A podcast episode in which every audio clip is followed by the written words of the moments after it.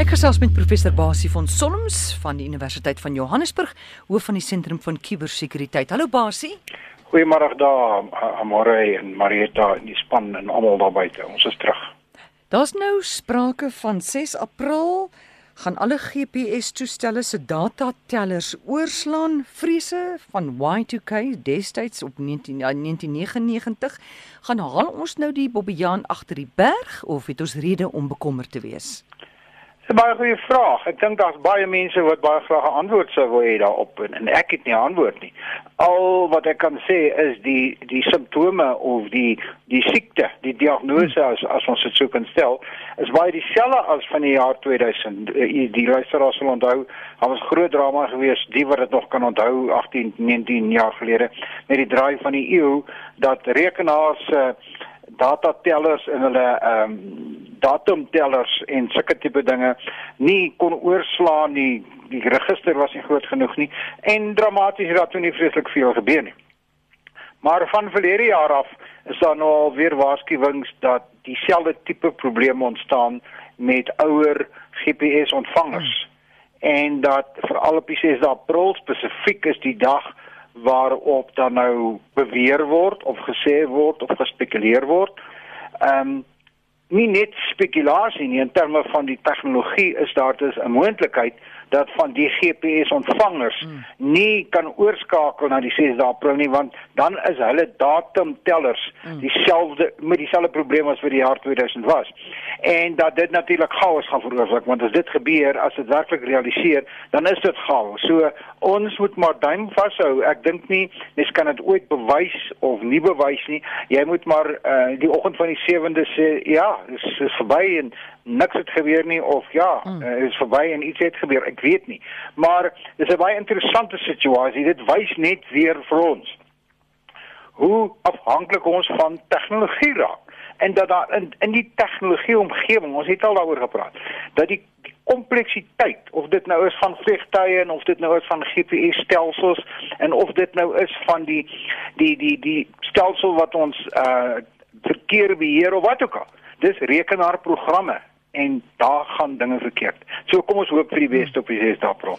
Jy sê ouer ontvangers, GPS ontvangers, so jou jongste wat daagliks opdateer soos Waze en Google Google Maps, sal dit ook. Nou, ek lei af. Ek lei af dit dit dat dit want hulle sê juis die waarskuwing wat nou al lank kom, sorg dat jy jou ontvangers opgradeer, maar jy moet onthou, dit is ook nie net die ontvanger wat ek en jy het nie maar dit is ook die ontvanger wat die GPS satelliet het want baie van die goed uh, kom van satelliete af. So ons weet nie of daai satelliete en kyk as as jy fout by die satelliet lê, dan kan ek en jy dit nou maar op ons maaskryf en moet ons hemde afvee. Ons ou selfoonjies gaan niks daaraan doen nie. As die GPS daar bo vir ons verkeerde inligting gee of nie vir ons inligting gee nie, uh, maak dit saak wat jy met jou foon doen nie. So dis dis 'n ongedefinieerde omgewing. Dit mag spooke wees. My vrou het vir my nou net 10 minute terug gesê, moenie weer gaan spooke opjag nie. Uh, ek sê maar net, jy weet. ek sê maar net. Goed. Nou die arme Boeing 737 Max 8 vliegtuie wat nou nie meer mag vlieg nie. Hulle het al hierdie week al klaar 25 miljard dollar hm. verloor in hulle markwaarde. Nou is daar sprake, ek sien Donald Trump tweet vroeër hierdie week. Hy sê ons gaan nie meer ons ons die tegnologie raak so ingewikkeld. Vir hierdie vliegtye gaan jy dalk nie meer vlieëniers nodig hê nie, maar rekenaarwetenskaplikes. Wat sê jy daarvan? Wel, laat ek vir jou dit sê, uh, dit is vandag al selfs die geval. Jy weet as jy gaan kyk na kom ons kyk nou maar net na 'n vliegtyg, so vliegtygbeheerstelsel. Uh, uh jy weet as jy as jy regtig in hierdie moderne vliegtye van ons kan sien in die stuurkajuit daar's net rekenaars, daar's net rekenaarskerms. Daar's nie meer die ou stuurkolom wat ons in ons ou dae as kinders gesien het of as groot mense of wat ook al nie.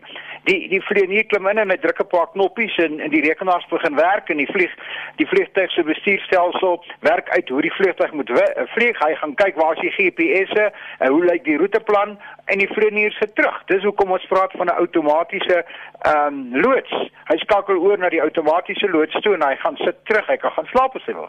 En daai rekenaar gerekenariseerde stelsel dryf daai vliegtyg, vliegtyg, vliegtyg, hou daai vliegtyg op pad kontroleer al die elektroniese en die en die meganiese elemente van die vliegtyg. Dit sien jy op die skerm. So ons is klaar daar. Maar ons is al klaar verder as dit. Ja, nie nie die kwessie van selfgedrewe voertuie waaroor ons al baie gelees het en wat al meer en meer na vore kom. Dis nog meer. En dan sê jy heeltemal reg. Dan sit jy terug, jy het nie meer bestuurder nie. Ehm um, die die hele ding word rekenaarmatig gedoen. Nou wat hier gebeur het.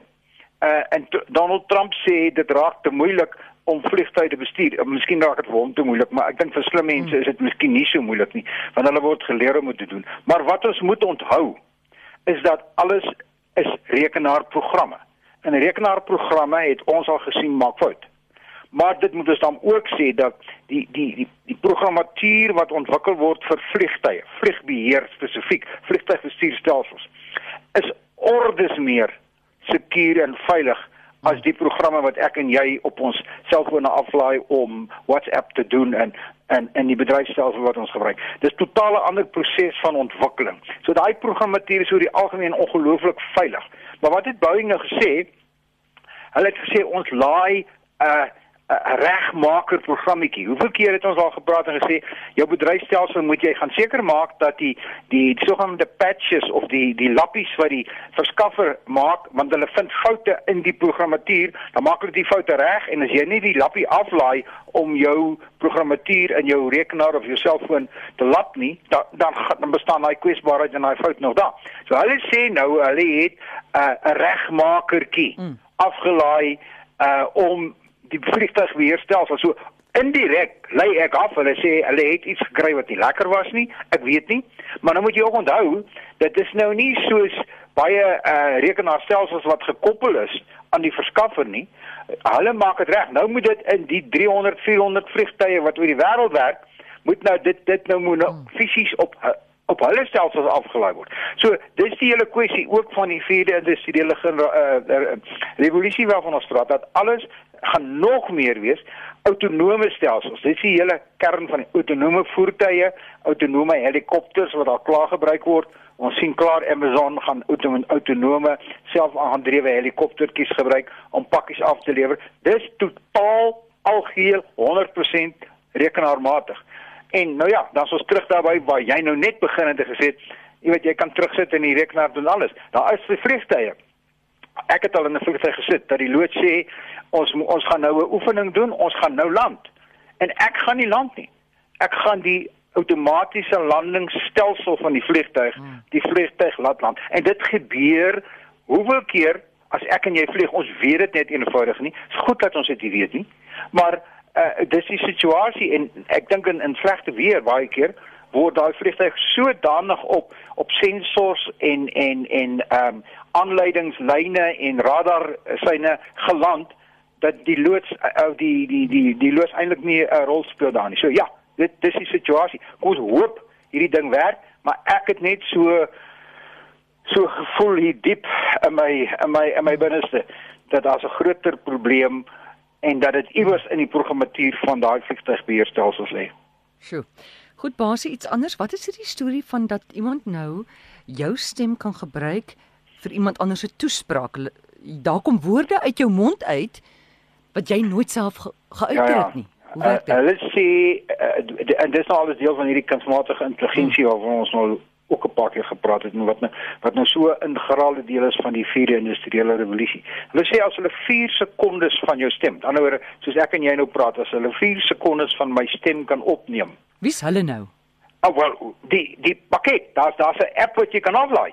Dit is daar's 'n toepassing wat jy kan aflaai en hy hy skryf hy, hy neem 4 sekondes van jou stem neem hy op. Mm. En dan kan jy daaruit dan kan jy dit terugspeel en dan kan ek 'n toespraak gaan maak. Mm. Kan hulle 'n toespraak maak in my stem? Met met die hele toespraak is aan my stem want daai 4 sekondes was genoeg geweest vir hulle om die algoritme te voer met die nodige data en nou kan hulle begin sê maar ehm um, dit is wat gaan gebeur en en so gaan gebeur en dit gaan gebeur in my stem.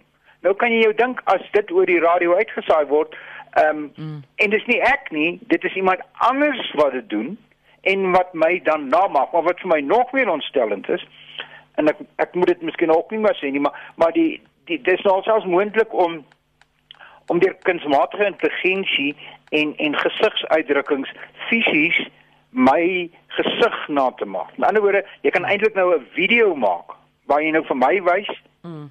en my stem. En daar staan ek en ek maak 'n reuse toespraak van wat ek in my lewe nooit van geweet het nie, mm. maar is in my stem. Ja. En dis my gesig.